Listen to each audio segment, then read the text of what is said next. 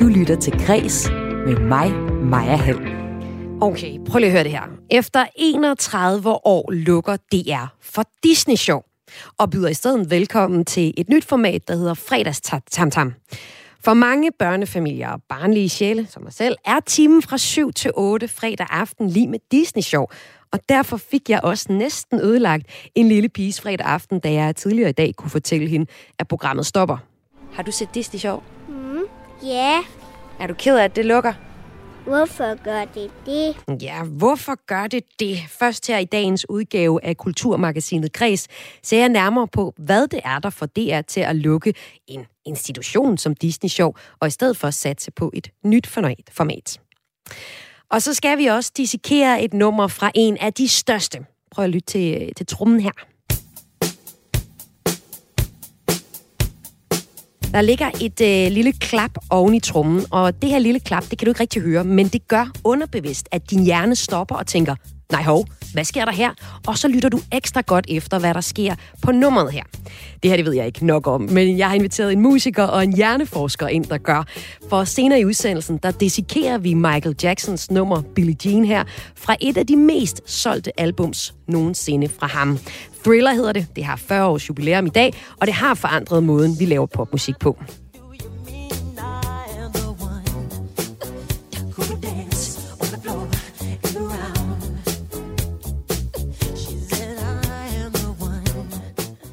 Det glæder jeg mig til. Jeg glæder mig også til at få besøg af et par MGP-børnestjerner, der ikke medvirker i den nye dokumentar, der ellers handler om børne-MGP-stjernerne og kan ses lige nu på DR. Dokumentaren den fortæller om børnefesten, der gik amok med alt for meget opmærksomhed på de her små børn, hundredvis af live shows og forsider i tabloidpressen. Men de to, jeg får besøg af senere her i Kulturmagasinet Kreds, de er slet ikke med i deres nye dokumentar. Det er nogen, jeg mangler i historien. Og derfor får du, jeg deler den med dig, helt eksklusivt her historien, når jeg får besøg af en af mine børneidoler, kvinden bag det her MGP-nummer. Det er sort, sort snak. Hun kunne lige så godt have sagt. Diggy, diggy, do, diggy, ding, bamboo. Sakka, sakka, su, sakka, ah, ah, uh. Diggy, diggy, do, ah, ah. Ah, ah, uh. Ja, det er Græs i dag. Velkommen til. Mit navn er Maja Hall.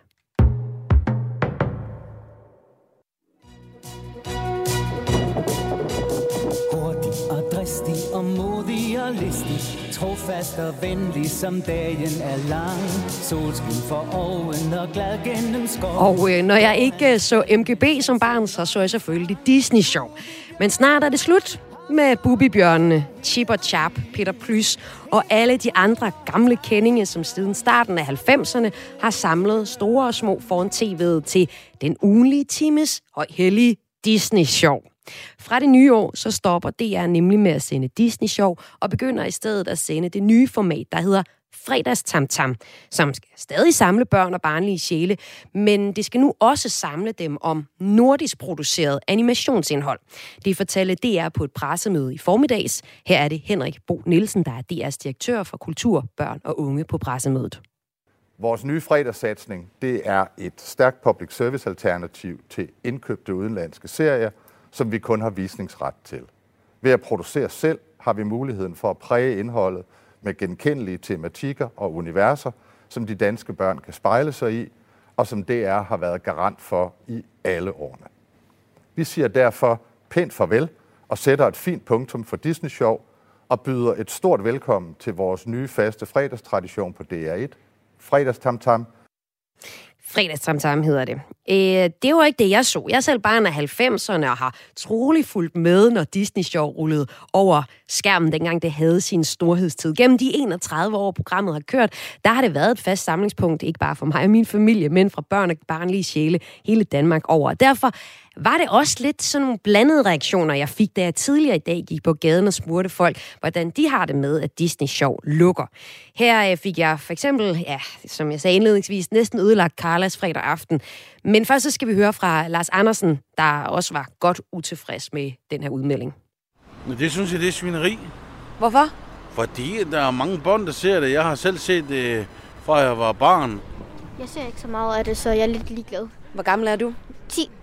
Hvorfor ser du ikke Disney-show? Mm, jeg, jeg, jeg synes ikke, det er interessant. Det lyder da forfærdeligt. Har du set Disney-show? Ja, Er du ked af, at det lukker? hvorfor gør det det? Det gør det, fordi der åbner noget andet i stedet for. Så det, der kommer fra det nye år, det er Disney-show med mere dansk indhold. Det lyder måske meget godt. Hvad tænker du? Det ved jeg ikke. Det ved du ikke. Nej. Hvad betyder du altid Disney-show om fredagen? Ja, Nej, vi ser faktisk mest Disney-film, fordi vi synes, det er lidt federe sådan at kunne følge en handling igennem en hel film, i stedet for de der er mange forskellige. Så vi har ikke lige brugt det så meget endnu.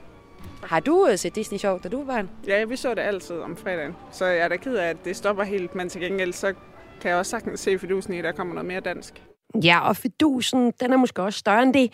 Beslutningen om at lukke Disney Show kommer på et tidspunkt, hvor DR i forvejen er i gang med en større omlægning i forsøget på at tage kampen op mod de internationale streamingtjenester. For eksempel Disney+, Plus, hvor dem vi hørte før, måske tuner ind mange fredage.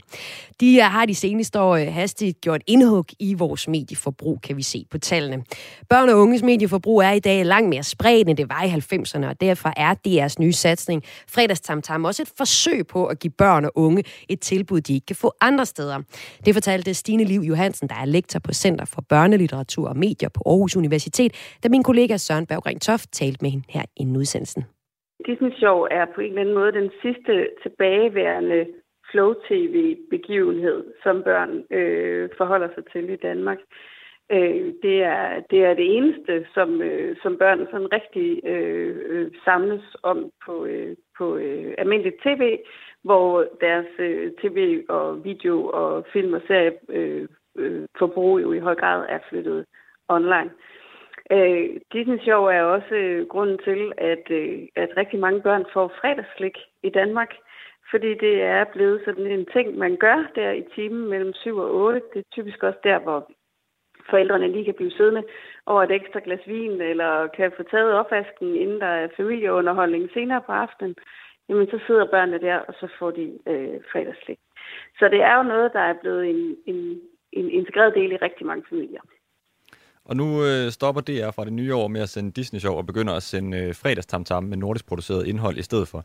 Så det kunne tyde på, at øh, der i hvert fald er et vindue til, at øh, fredagslæggen kan få lov til at overleve på trods af det her. Men, men Stine Liv Johansen, hvis du skal øh, se på, hvad det er for en situation på tv-markedet, der nu får DR til at lukke ned for Disney-show og i stedet sende fredagstamtam, vil du prøve at sætte nogle ord på, hvordan, øh, hvordan situationen er der? Det er jo en øh, situation, der over de sidste øh, ja, mere end 30 år er, er, er blevet sådan i stigende grad øh, konkurrencepræget. Og, øh, og DR har jo en, øh, altså en, en, en kontinuerlig udfordring med at skulle fastholde øh, deres betydning i børn og unges medieliv, fordi øh, i særlig grad i dag, at børn og unge er på streamingtjenester, og de er på øh, på internettet, hvor, hvor de tilbringer deres tid. De spiller, de ser YouTube, de ser Netflix, og de er på sociale medier også fra en rigtig tidlig alder. Så de bruger mindre og mindre af deres tid på, øh, på DR. Og derfor så er DR også ved, det har de nu gjort øh, i mange årtier, hele tiden at tilpasse sig til den situation, de er i. Og det, de gør nu, det er at sige, at vi skal have ekstra fokus på det, man ikke kan få nogen andre steder. Fordi Disney-indhold kan man jo få masser af, øh, især fordi rigtig mange danskere også har adgang til Disney Plus som streaming. Hvorfor er det, tror du, hvorfor er det vigtigt for, for DR at have det her øh, ugentlige samlingspunkt, hvor, øh, hvor, hvor børn og unge ligesom kan samles om og se det samme, frem for at de er spredt på alle mulige forskellige streamingtjenester? Jamen, det her har altid også gerne ville være en, en vigtig faktor i vores, øh, i vores hverdag, og være med til at organisere vores hverdag. Altså, at vi hører radiovis på bestemte tidspunkter, eller i de gode gamle dage så man fjernsyn for dig på bestemte tidspunkter. Og der, øh, der har Disney Show så ligesom været, eller timen der mellem, mellem 7 og 8 om fredagen, har ligesom været en af de sidste sådan faste øh, holdepunkter. Og det vælger man jo så også at sige, det vil vi faktisk gerne holde fast i, for der er noget med at lige lande der og holde weekend, og, øh, og, øh, og ungerne kan hygge sig, øh, og, og man kan få noget god øh, underholdning. Og så er det så kombineret med den her, det her ønske om at få et øh, stærkere fokus på øh, dansk og nordisk øh, produceret indhold, som man ikke bare kan få øh, på streamingtjenesterne. Hvad giver det børnene at have det her ugenlige samlingspunkt fra 19 til 20, hvor man ved, at man sidder og ser det samme, som øh, langt de fleste af ens venner formentlig også sidder og ser?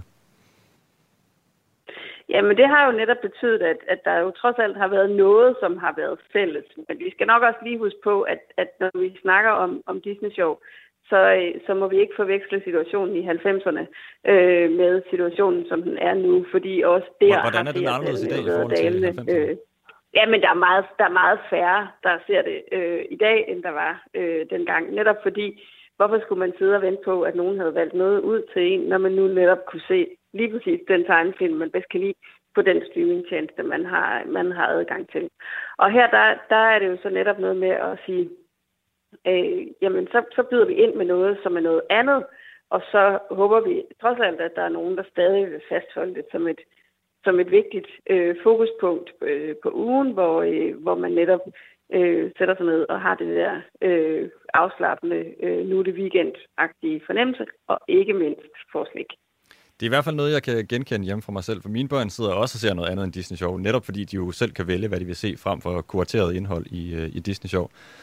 Hvem, hvem er det, øh, DR gerne vil tage kampen op med?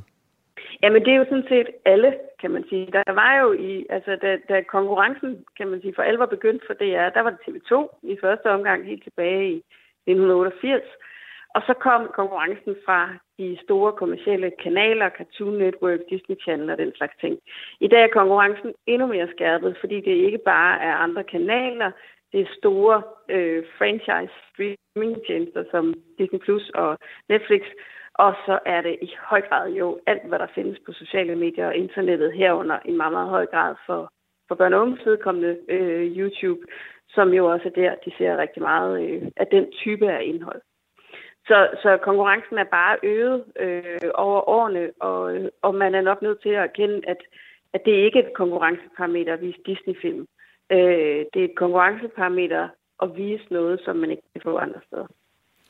Nu skal man jo passe på med at spå om fremtiden, øh, Stine Liv Johansen, men, men på den anden side skal vi også udnytte, at jeg har en lektor for, fra Center for Børnelitteratur og Medier på Aarhus Universitet med på, på telefonen på sådan en nyhedsdag her. Hvordan tror du, øh, fredagstamtam vil blive modtaget?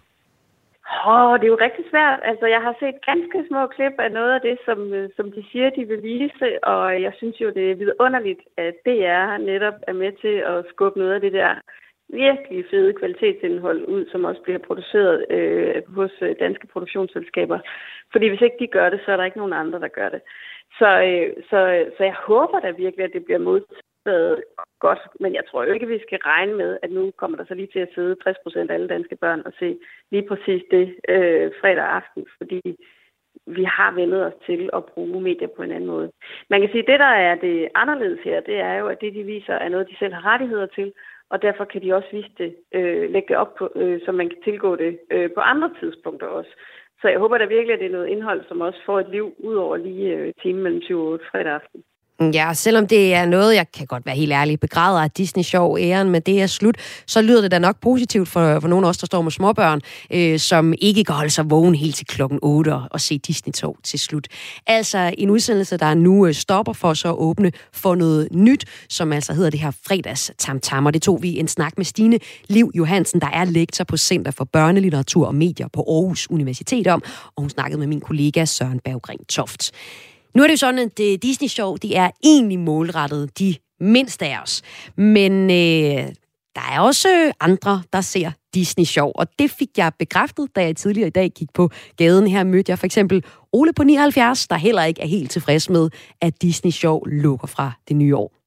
Og det er jeg rasende over. Det er du rasende Ja, over? jeg, jeg elsker det. Gør du det? Ja, Ja. jeg bliver 80 år næste år, jeg elsker det alligevel. Er det rigtigt? Ja, det gør jeg. Nå, men jeg kan så glæde dig med at sige, at til det nye år, så lukker det, vi kender som Disney Show, men der åbner noget, der hedder øh, fredagstamtam, hvor der Okay. kommer til at være mere fokus på dansk indhold. Nå. Er det okay så? Ja, ja, det synes jeg, det accepterer jeg. Okay, det er Indtil, indtil jeg ser det. Du lytter til Græs med mig, Maja Hall. Skriv en sang, vær med MGP, boom, dit liv er forandret for altid. MGP blev jo en kæmpe succes. De havde ingen idé om, hvilket monster det var, vi var ved at skabe. Du har vundet Ja, historien om børne-MGP er historien om et succesfuldt tv-børneshow, der har samlet forældre, bedsteforældre og frem for alt børn foran fjernsynet. Og historien om øh, børn, der blev stjerner uden produktion bag, nødvendigvis helt vidste, hvordan de skulle håndtere det her med små børnestjerner.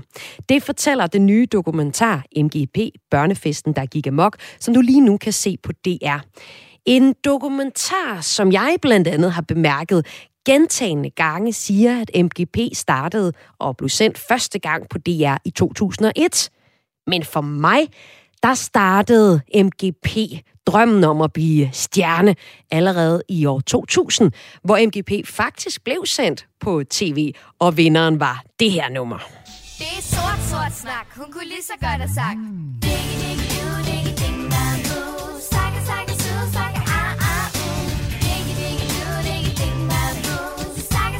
Ja, som øh, 10-årig, der ramte Femininums nummer her om deres lærer, der taler sort-sort snak, mig lige i hjertekuglen, og drømmen om at være med i MGP blev født. Noget jeg aldrig har fået udledet godt nok. Den her drøm, den er jeg sikker på, at rigtig mange andre børn har haft gennem tiden. Børn, som har set for eksempel Anne Gadegaard danse Arabiens drøm og gerne vil være hende, eller kickflipper Ras og senere Flora Ophelia med Du Du Du, og i år Emma med sangen Hater. Og øh, nu kan jeg her i Kulturmagasinet Kreds også byde velkommen til den reelle første vinder af MGP på TV. Freja Eva Lokkenvits, velkommen til dig. Jo, tak. tak skal du have. Du vandt nemlig i øh, MGP i 2000, og øh, du er blevet ved musikken. I dag er du sanger og scenekunstner, aktuel i den fynske opera til foråret. Ja. Hvad var det for en oplevelse for dig at vinde MGP på tv i år 2000? Først og fremmest vil jeg bare lige sige sådan, tusind tak for, at du i hvert fald kan huske det, når nu det, jeg ikke kan huske det. og jeg er sindssygt glad for, at heldigvis er der jo en hel masse, der husker øh, MGP i år 2000, og vores vindersang måske, og for Altså, hvem det er kæmpe betydning for mig. at, at øh, det var der, det startede hele historien om MGP. Det er jeg bare så Mm. glad for, når nu det jeg ikke åbenbart ikke lige kan huske det. Ja. Øh, men Men det var, fortæl lige, hvad var det for en oplevelse? Ja, det var nemlig en kæmpe, kæmpe stor oplevelse. Altså det var det virkelig. Det var fra den ene dag til den anden, øh, som vi også lige hørte Sisse øh, fortælle i klippet inden, at ens øh, lille børneliv pludselig var ændret. Øh, vi var 13 år og, øh, og deltog og vandt jo så.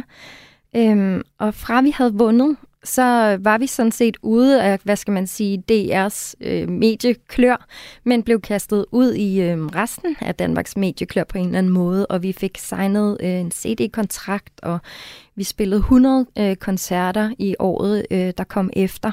Øhm, Ja, så mødte I jo også sådan nogen som mig, som gerne ville have en, en autograf og synes, at det var lige så nederen at gå i skole, som I sang om på ja. Ja. Sort Sort Snak. Ja. Hvad var det for nogle reaktioner, I mødte fra, fra de her børnefans, der pludselig havde fået et tv-børneidol, der ovenikøbet var dansk der i øh, 2000?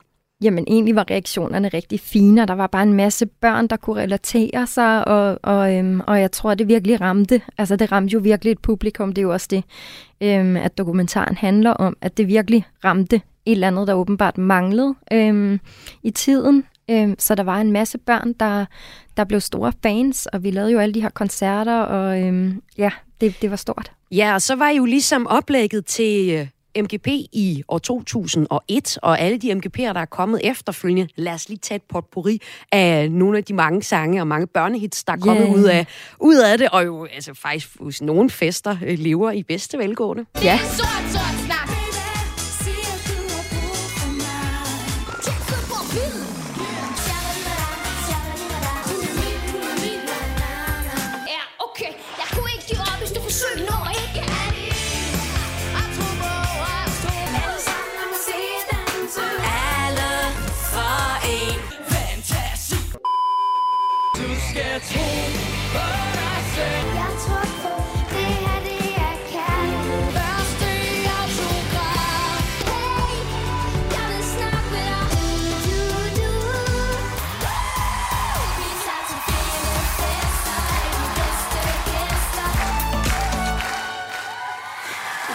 hvis øh, dig, der lytter med, stadig er med, så var det her en energiudladning fra alle de vinder, der har været af børne-MGP fra år 2000, skal det retmæssigt, øh, retmæssigt siges. Ja, tak.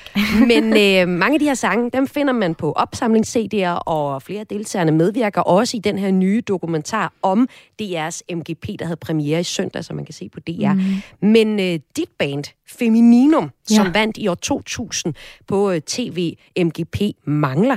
Hvad er det, du generelt set oplever med, med din MGP-historie fra Eva Lokvits? Jamen fra DR's side, så oplever jeg faktisk, at, at vi jo netop, øh, hvad skal man sige, blev kastet ind i det her børnemelodi Grand Prix, som var det første, og som havde en overvældende stor succes. Øhm, og, og det er jo på den baggrund, at DR ligesom øh, forstod, at der kunne være plads til, at det kunne rykke ind på primetime øhm, lørdag kl. 20, som det så blev året efter 2001.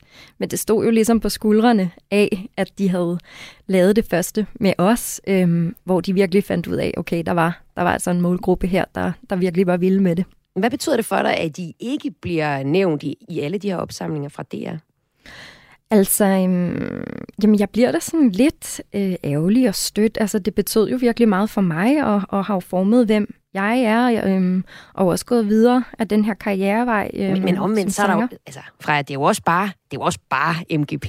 Det er helt klart bare MGP, selvfølgelig er det det, og det skal også nok gå, at de ikke nævner os. Men, men jeg tror bare, når jeg så sidder og ser den her dokumentar, de snakker så meget om, at de skulle lære alle deres fejl, og at der nok ikke blev passet ordentligt på børnene, og at børnene blev kastet ud i det her, og så egentlig ligesom bare var overladt lidt til sig selv.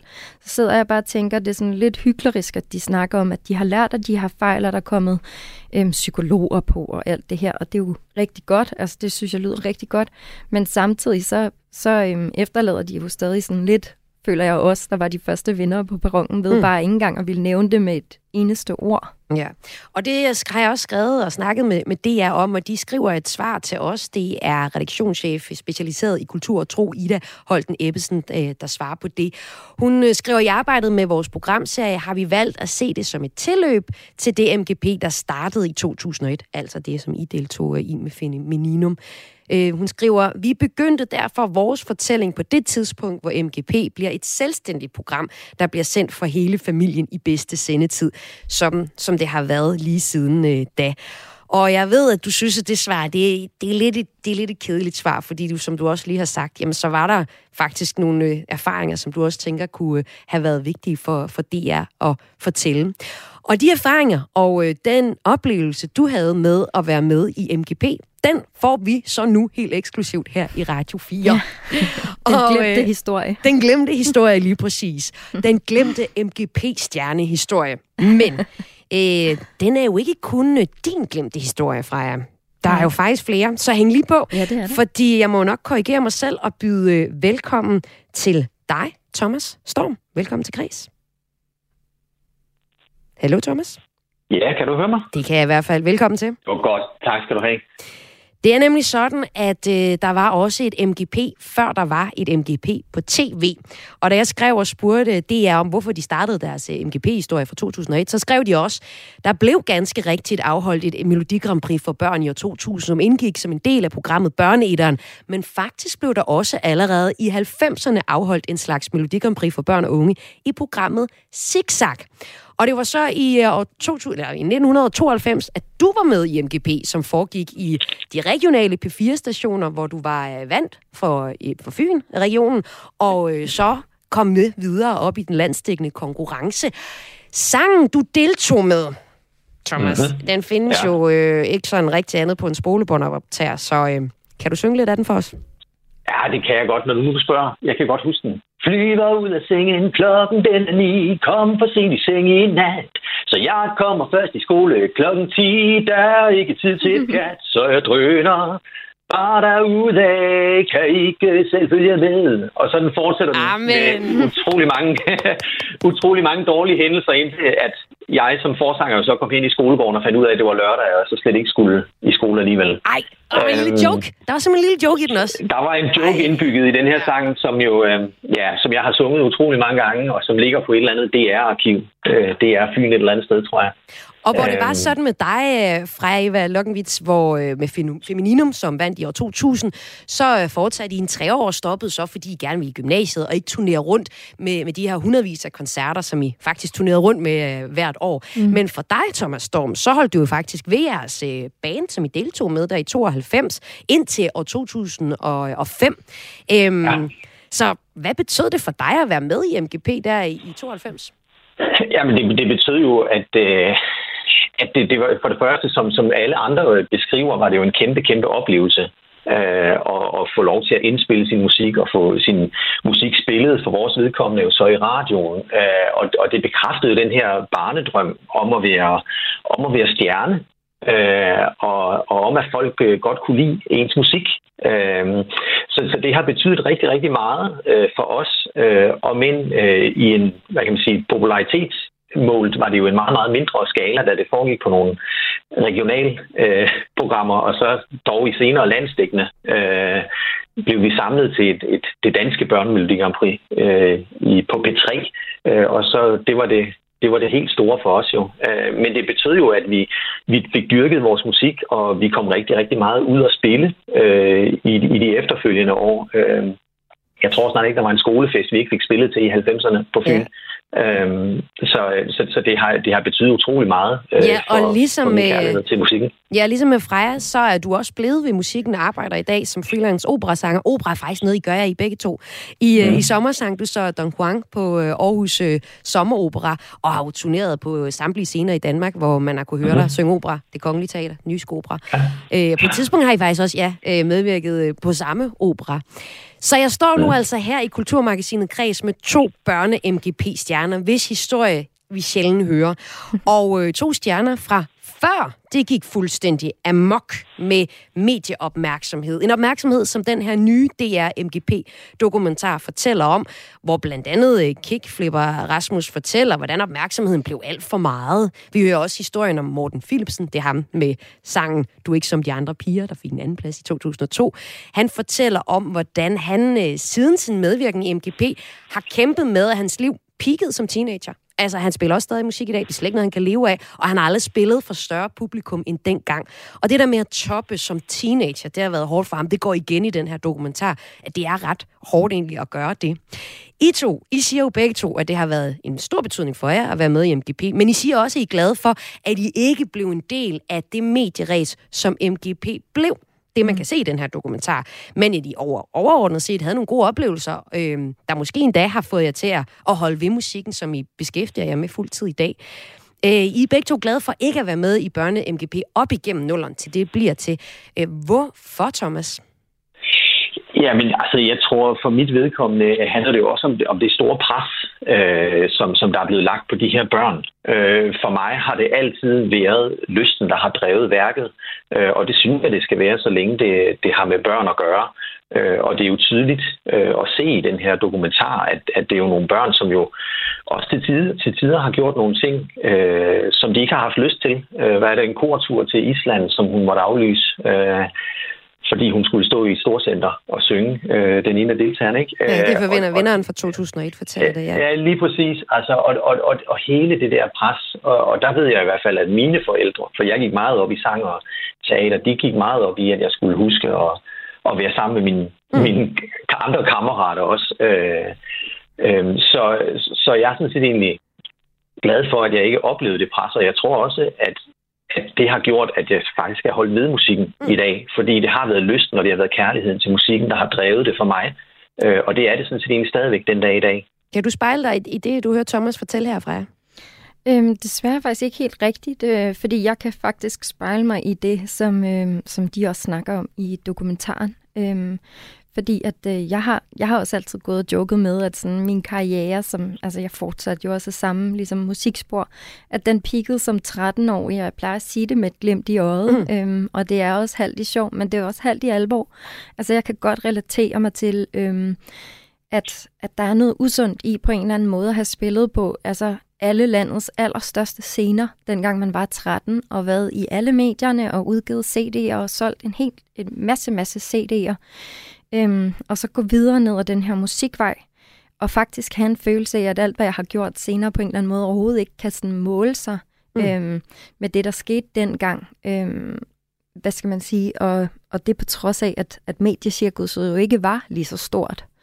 Øhm, Og det er jo også blev. noget af det, øh, dokumentaren her fortæller, og de medvirkende fortæller om, at, at altså dem, der stod bag det, produktionen bag det, fortæller om, at, at det gik for hurtigt for dem, og de måtte også lægge øh, reglerne om, og, og sagde også nej tak til det internationale Melodi Grand Prix for, for børn, fordi de blev for voldsomt også noget af det, mm. som du ligesom oplevede begyndelsen af, som jo bare blev endnu vildere med årene. Mm. Og derfor kunne jeg godt tænke mig at afslutte med at spørge jer to. Nu har I set den her dokumentar på DR om, om MGP, det her børnefesten, der gik amok, som øh, man kan se lige nu og viser skyggesiderne af MGP. Vil I sige OK til, hvis jeres børn meldte sig til et, et børneshow eller MGP fra jer? Mm. Jeg, altså, jeg tror, jeg har det sådan med hensyn til min søn, fordi jeg netop selv føler, at jeg både har oplevet virkelig det gode og virkelig det negative ved øhm, den her karrierevej. Så øh, hvis han virkelig, virkelig gerne vil det og brænder for det, så vil det jo være dobbeltmoralsk af mig ikke at sige okay. Øhm, til gengæld føler jeg så, at jeg måske kan støtte ham og guide ham rigtig godt, fordi nu har jeg ligesom selv prøvet det. Men til gengæld vil jeg heller aldrig øh, presse ham ud i det, altså som i overhovedet. I virkeligheden vil jeg helst have, at han laver noget helt andet. Hvad med øh, dig, Thomas Storm? Du har fire øh, styks. Jeg har fire børn, og jeg har en datter på 12, som øh, er utrolig interesseret i, i sang og musik og dans. Siger du bare stop? Øh, Stop.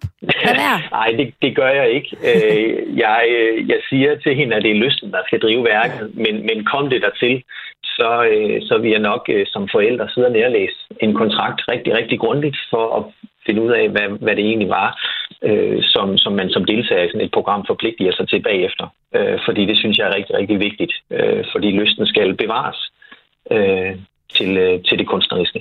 Og lysten, den har I jo sådan set begge to øh, bibeholdt i forhold til musik, som I stadig beskæftiger jer med, begge to. Og tak, fordi I var med til at fortælle, man kan sige, de gre- glemte MGP-stjerners historie fra jer, Eva Lokkenvits, mm. og også dig, Thomas Storm. Ja, tak. Det må med. Ja. Og hvis dig, der lytter med, er blevet nysgerrig på dokumentaren om MGB, så kan du se den på dr.dk. Du lytter til Græs med mig, Maja Hall.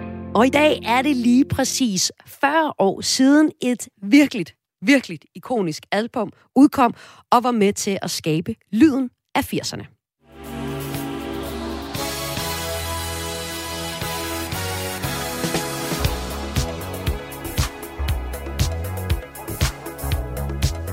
Med cirka 70 millioner solgte eksemplarer. 70 millioner solgte eksemplarer, så er Michael Jacksons no, øh, album Thriller det bedst sælgende album nogensinde. Og måske et højdepunkt i en af de mest bemærkelsesværdige musikkarrierer i nyere tid.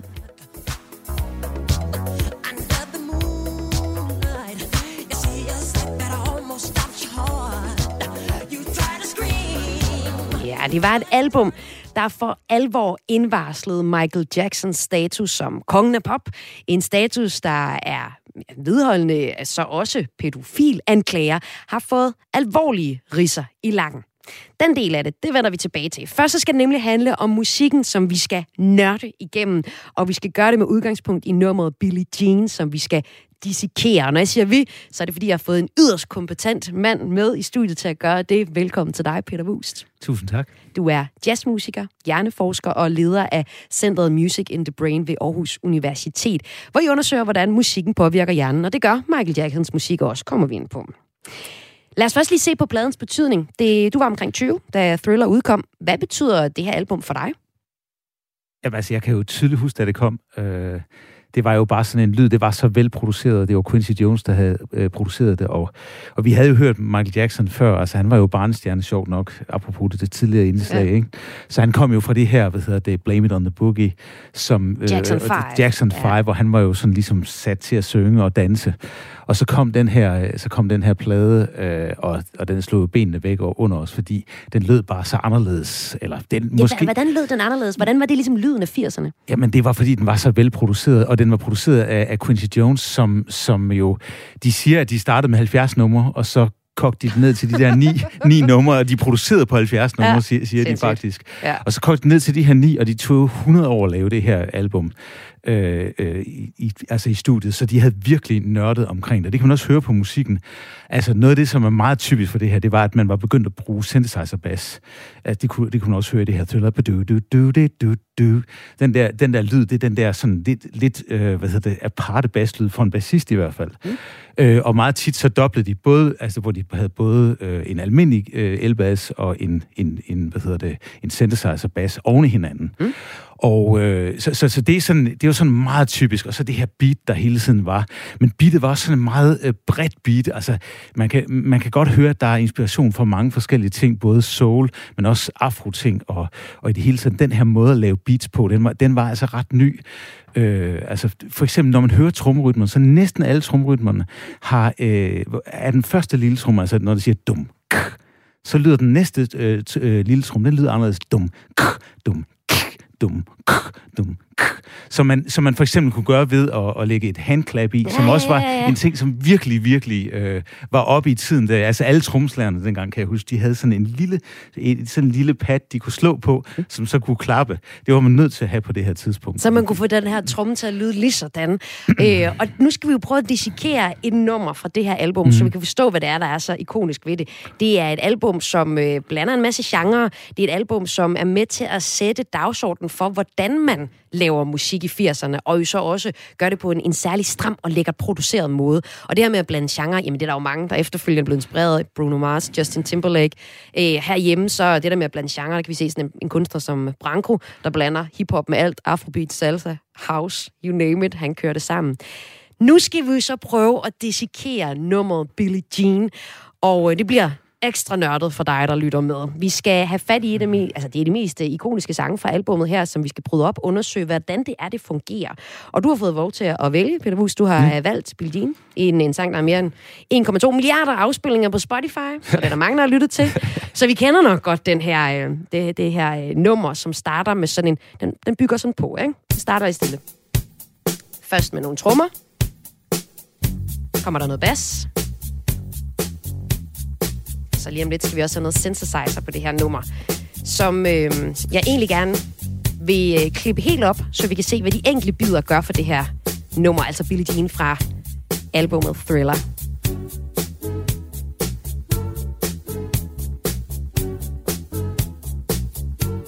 Men øh, lad os trætte, starte med, med trommerne, som du allerede var i gang med at forklare, hvad det er, der sker med dem her, det her klap, som også er på de her trommer.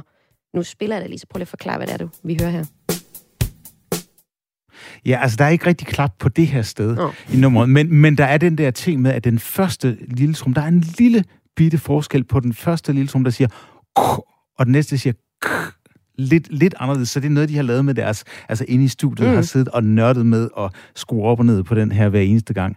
Og øh, så, så trummerne, men det der også er med lille trummen, den var sådan, øh, 80'er lille trummen, den var helt speciel, fordi den var meget mere omfattende, den havde sådan en meget stor lyd i virkeligheden, øh, måske ikke lige på det her sted, det kommer senere. Det kommer senere men, det men, der. men, men, altså, men jeg kan huske, når vi, når vi var i studiet, så brugte vi tusind år på at lave den der tr- lille trumlyd. Det var, det, det var lille trummen, det hele drejede sig om. Og, og, og det er, det hører man også på hele pladen, at den her lille trum, der er virkelig nørdet øh, for lyden. Og, og lyden på de forskellige numre af lille trummen er en lille smule forskellig. Og så får den her lille trum så besøg af noget bas. Den, Hvad gør den her øh, bas ved nummeret ved os, der lytter til det? ja, der kan man så høre her, at, hvad hedder det, der er både sådan den der elbass, der siger, "Mm, men så ligger der en synthesizer bass nede, når den siger, mm, gum, gum, gum, gum. Og se, der har vi hvor det ligesom er, er og den, den støtter jo så det her synthesizer, der siger, lam, tjka, bap, tjka, og det er sådan en synkope. Synkoper, det er sådan noget, der skubber til os, så vi får lyst til at bevæge os til det. Det kan man også se i hjernen. Men, men, men det er sådan meget tydeligt, hvordan man starter med at etablere den her meget klare rytme, og så kommer alle de ting, der skubber, skubber til os hen ad vejen. Også de der, de der, ha, de der, de der små mundpercussion-lyde der, som, som Michael Jackson jo excellerer i hele tiden. Ikke? Du siger, det er en synkope, som man kan se i hjernen. Altså som hjerneforsker, så kan du se på mig, at jeg øh, får lyst til at bevæge mig, når jeg hører det her nummer. Hvordan det? Altså det første, vi kan se, det er, at man kan se i hørebakken, der kan man simpelthen se, at hørebakken til lige, hov, hvad var det? Mm. Og øh, når den har sagt det nogle gange, og den finder ud af, det er faktisk meget lækkert, det der med, at jeg både har noget, jeg kan bevæge mig til, men også noget, der ligesom strider mod det, så kan vi også se, at der kommer nogle nydelsessystemer op i vores Så jeg hjerne. nyder faktisk, at der sker noget. Du nyder, at der sker noget, men du får også lyst til at bevæge dig, fordi vores bevægesystem vil helst bevæge sig i 4 fjerdedel. 1, 2, 3, 4. Det er sådan, vi går. Det er sådan, vi bevæger os rigtig meget. Men vores hørebakke, den siger, nej, den siger, ah, tsk, ah, ah, tsk, ah. Så, så når man ser på vores hjerner, så, kan man, så ser man, at, at hele vores motorsystem, det er mere aktivt, når vi lytter til den her slags rytmer, som har det her sådan mere groovy.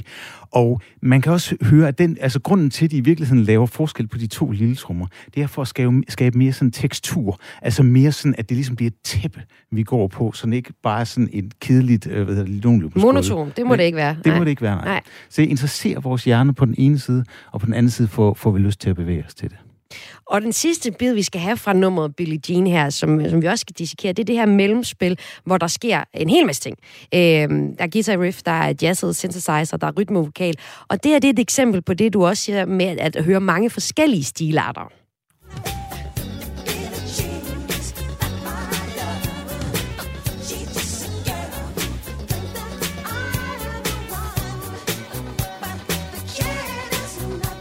Ja, hvad er det så, Peter Wust, for nogle forskellige stilarter, vi hører på Billie Jean-nummeret her? Ja, der går det jo helt amok, fordi lige præcis på det her sted, der hører man selvfølgelig øh, stadigvæk det her sådan soul-agtige akkompagnement. Så er der sådan noget disco øh, det, det, det, det, i, hvad hedder det, i violinerne, og, og så har man den her øh, synthesizer-lyd, som lyder, lyder lidt som en trompet, eller en øh, måske øh, sådan lidt, hvad hedder det, muted trompet af, af, af en slags, som, som giver sådan mere jazz fornemmelse. Så, så det er meget typisk sådan, det man jo kaldte det dengang, det er jo den postmoderne tid, hvor man ligesom kunne tage elementer ind fra alle mulige forskellige ting. Og så lyder det jo ikke rodet, selvom det ville det gøre, hvis jeg valgte så mange genrer. Det, det, det vil det sikkert gøre. Altså, og der, der er to grunde til det. Ja. Den ene er, at man er jo man brugt rigtig meget tid på det. Altså, man skal forestille sig, at man har haft en hel masse forskellige spor, man kunne skrue op eller ned, ned for. Så man har haft rigtig god tid i studiet til at mixe det til sidst og sørge for, at det ikke bliver rodet. Men den anden ting er, at det er så præcis spillet. Altså noget af det, som Michael Jackson, og der, der kan vi jo kreditere ham, øh, fordi øh, han havde jo en fantastisk time, altså rytmik i sin sang, som var utrolig præcis.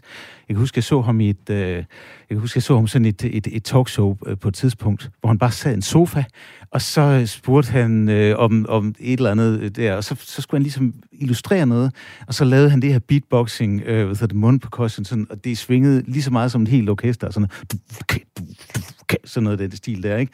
Og, øh, og, og der, det kan man jo også høre i hans sang, altså, det er ikke altid, det stemmer lige godt, men det er altid super præcist. i Hvad, stemmer ikke? Altså, det var han ikke helt, eller? Nej, altså, han, altså det er jo sådan, det er sådan, sådan, ja, det er jo også sådan lidt nørdet på min side, men jeg har altid haft det der med, at han, han pitcher en lille smule for lavt. Ja. Det kan være meget lækkert på, på sin vi- vis, men det er ikke helt, øh, det er ikke helt, altså en lille smule falsk. Ej, nogle hvor er det sjovt. Michael Jackson synger en lille smule Ja, det- det, falsk, det- men er stadig altså jo en legendarisk musiker. Det, det er han altså, jo fuldstændig. det her altså, sagen er jo den, at med hensyn til det der falske, det, der kan, det kan man høre bedre på de tidligere, de ting, der er endnu tidligere. Efterhånden, som man får mere styr på teknikken, så, og nu om dagen, der kan vi jo bare tune det op med alle mulige forskellige tekniske hjælpemidler. Men det er en lille smule falsk. Det kan også være falsk på den lækre måde. Peter Wust, tusind tak for at dissekere det her øh, nummer for os her i Kulturmagasinet Kreds, hvor Billie Jean jo altså er på øh, Thriller-albummet, et album, som har 40 års jubilæum i dag. Og øh, som det bedst sælgende album i verdenshistorien, så var Thriller i den grad med til at løfte Michael Jackson op på tronen som kongen af pop, som vi stadig kalder ham. Men øh, for mange, så står hans, og for mig, så står hans eftermiddag male i dag i et knap så positivt lys. Han er gentagende gange blevet beskyldt for at have misbrugt børn, Størst gennemslagskraft havde det formentlig i øh, 2019, da den øh, mere end tre timer lange dokumentarfilm Neving, uh, Leaving Neverland udkom. Den så jeg. Her fortæller to nu voksne mænd, hvordan de som børn angiveligt blev misbrugt af Michael Jackson. Selvom musikeren aldrig er blevet dømt for det, så fik dokumentaren alligevel stor betydning for hans eftermæle. Særligt os, der ikke er vokset op med ham helt fra starten, tror jeg. Og flere radiostationer verden over har helt droppet at spille hans musik. Øhm, Peter Wus, du er musiker, du er hjerneforsker. Hvad har det betydet for den måde, du lytter til Michael Jackson på, at der kom de her sager, og de blev ved med at følge hans eftermæle? Altså, det er jo svært ikke, ikke at, altså, det er svært at være helt kold over for de der beskyldninger. Fordi øh, på den ene side, så principielt set, så synes jeg, man skal adskille kunst, kunstnerens, altså kunst fra kunstnerens person. Hvorfor? Fordi, ja, fordi ellers så, så var der jo utrolig mange, vi overhovedet ikke kunne, kunne lytte til. Altså en af mine favorit trompetister, som hedder Chet Baker for eksempel, øh, som spiller så afsindigt smukt på, på sin trompet. Øh, han var efter sine det, det værste røvhul. Og, altså, og, og, og det kan jo være svært at, at, at adskille de der... øh, Og, og ikke, eller det, det kan være svært at høre noget som helst, hvis man ikke er i stand til at adskille personen for, for kunsten. På den anden side er det meget svært at høre Michael Jacksons musik, som man jo i sin tid synes var lidt uhyggelig. Det var sådan noget børnemusik lidt, der var sådan uhyggeligt med alle de her zombier i videoen og så videre. I thriller-videoen, ja. Ja, thriller-videoen. Øh, så den var uhyggelig på den hyggelige måde, og der synes jeg, det er lidt omvendt i dag, at, at det virker sådan mere hyggeligt på den uhyggelige måde nogle Ja. dage. Men, men du, du mener, man godt kan blive ved. Du kan godt. Det, det har ikke ændret sig mere, end at du stadig sætter pris på musikken. Jamen altså, altså, musikken er jo også meget Quincy Jones produktion, og øh, alle de ting, der skete i det, på det tidspunkt, og, og jeg kan i hvert fald godt øh, høre det stadigvæk, og synes, det er ret fantastisk. Men så lad os da høre hele, eller i hvert fald en god del af Billie Jean-nummeret her, som vi jo lige har dissekeret. Tusind tak, fordi du var med til at gøre det. Jazzmusiker, hjerneforsker og leder af Centret Music in the Brain ved Aarhus Universitet, Peter Wust. Selv tak. Og Peter Wust havde jeg altså med til at nørde det her nummer, et af verdenshistorierne bedst sælgende album, Michael Jacksons Thriller, så var det her nummer Billie Jean, og det kiggede vi på i anledning af, at det i dag fylder 40 år. Og lige tage lidt af det nummer her.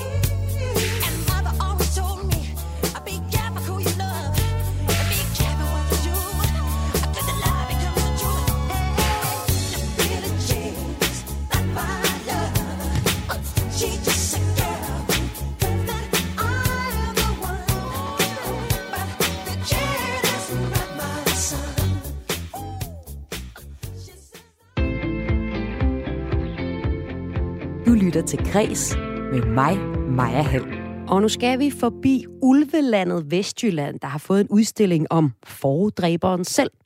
Og den udstilling, den giver anledning til refleksion over ulvens genkomst. Sådan lyder det fra Græses kulturagent i regionen. Vestjylland var det sted, den sidste ulv blev skudt for flere hundrede år siden og klynget op faktisk.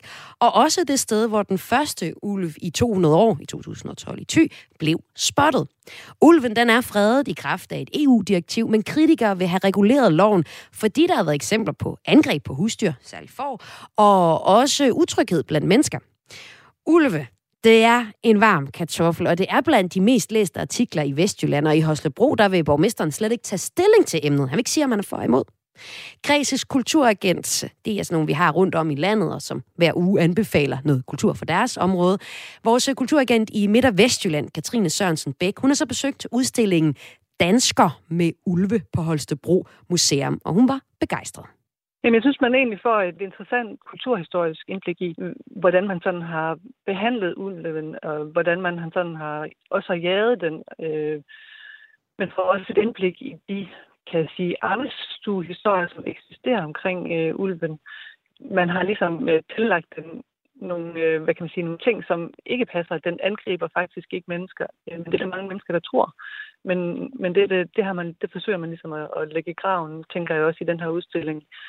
Og så forsøger man også sådan at tvinge øh, publikum til sådan selv at tage stilling. Altså, hvad synes jeg selv om ulven? Kan jeg rumme ulvens stedværelse her i mit område? Rykkede det noget ved dig, Katrine? Mm, ja, altså på et lidt større plan, fordi personligt så synes jeg godt, at vi kan have plads til ulven. Øh, men den rykker nok også ved mig øh, i den forstand, at øh, jeg kommer til at tænke på, hvad er det egentlig for en natur, vi ønsker? Ønsker vi at kontrollere alt øh, i vores natur? Jeg har også mødt mennesker, som mener, at øh, væltede træer jo fylder og ser uordentligt ud. Øh, men det er jo en del af det her, den her større fortælling om at genskabe den vilde natur, som jo vi ikke har ret meget af i virkeligheden i Danmark. Jeg tror, det er under 2 procent. Øh, så der er ligesom også et større perspektiv. Kan vi overhovedet rumme en natur, som vi ikke kan kontrollere, som måske er en lille smule uordentligt og ikke gør, hvad der bliver sagt? Det synes jeg er det her store spørgsmål, som vi sådan set bliver nødt til at forholde os til. På en eller anden måde så er den her ulve, ulven er ligesom et symbol på en natur, som vi ikke kan kontrollere. Kan vi være i det? Øh, kan vi finde nogle løsninger, så vi alle sammen kan være her, øh, hvis vi ønsker den natur? Og hvem vil du anbefale en tur på Holstebro Museum til for at se den her udstilling Dansker med ulve? Men jeg synes alle, som både om man er enten for ulven eller imod ulven, øh, kunne få en, øh, hvad kan man sige, en lille øh, øjenåbner her. Øh, og så synes jeg, at man skal tage sine børn med øh, ind og se den her udstilling, for der er nogle ret fine greb, som også henvender sig til børn. Og så kan man få den her samtale med sine, øh, sine børn om, øh, hvad er det, ulven er for en størrelse, og hvordan sikrer vi, os, at de her arvestuehistorier ikke, ikke bliver ved med at noget, vi giver videre til vores børn, for eksempel. At vi baserer vores øh, samtaler på fakta og, og viden. Så derfor så vil jeg sige, at øh, den henvender sig til både øh, dem, der er for og imod ulven, men især også til børnefamilier. Så lød det her fra vores kulturagent i Midt- og Vestjylland, som altså anbefaler dig at tage ind og se udstillingen Dansker med Ulve, som du lige nu kan se på Holstebro Museum. Og øh, Græs er ved at være færdig for i dag, men øh, inden jeg slipper jer og giver jer videre til missionen, som kommer her efter en øh, tv eller en radiovis hedder det, en nyhedsoverblik her klokken 15, så øh, synes jeg altså også lige, vi skal vende, at der er kommet nye navne på Roskilde Festival. Det er noget, jeg altid holder øje med, både for at se de helt store navne, og også for at finde ud af, hvem er det, jeg skal lytte til indtil om et halvt år, hvor jeg skal på Roskilde Festival. Jeg følger altid med de her festivals annonceringer for at se, om der er noget nyt til min playliste. Der er også noget gammelt til min playliste. Noget, jeg næsten kunne have regnet ud, at øh, Roskilde Festival har booket, fordi de har selvfølgelig booket Blø. Blø består nemlig blandt andet af Damon Albarn, og han øh, har holdt sig særdeles tæt på Roskilde-publikummet de sidste rigtig mange år. Han har både optrådt i sit eget navn, han har optrådt med forskellige projekter som øh, Gorillas, Africa Express, Express og øh, The Orchestra of Syria Musicians. Så mange gange har man kunne se ham, og jeg vil sige, det er også en rigtig god oplevelse at se Damon Albarn op på den scene, så det kan man også glæde sig til igen næste år, 2023, med Roskilde Festival, hvor Blø altså er på banen. Udover det, så kommer der blandt andet også det amerikanske rockband Queens of the Stone Age, det danske indieband Japanese Breakfast Club, og så har de også i dag annonceret, at Tobias Rahim indtager orange scene, og vi kommer også til at kunne møde svenske, øh, den svenske popstjerne Tove Lo på næste års øh, Roskilde Festival. Men lad os høre noget Blur, lad os høre noget, øh, ja, hvad skal vi tage af de gode? Øh, mm, jeg tror, vi tager Song 2 her med blø og slutter udsendelsen på en udsendelse, der i dag var tilrettelagt af Søren Berggren Toft. Og mit navn er Maja Hall, og Kreds, det finder du blandt andet som podcast i Radio 4's podcast-app. Du må have det rigtig godt til, at der kommer en ny Kulturmagasinet Kreds i morgen. Nu er der et nyhedsoverblik, og efter det, så er det altså øh, missionen her på Radio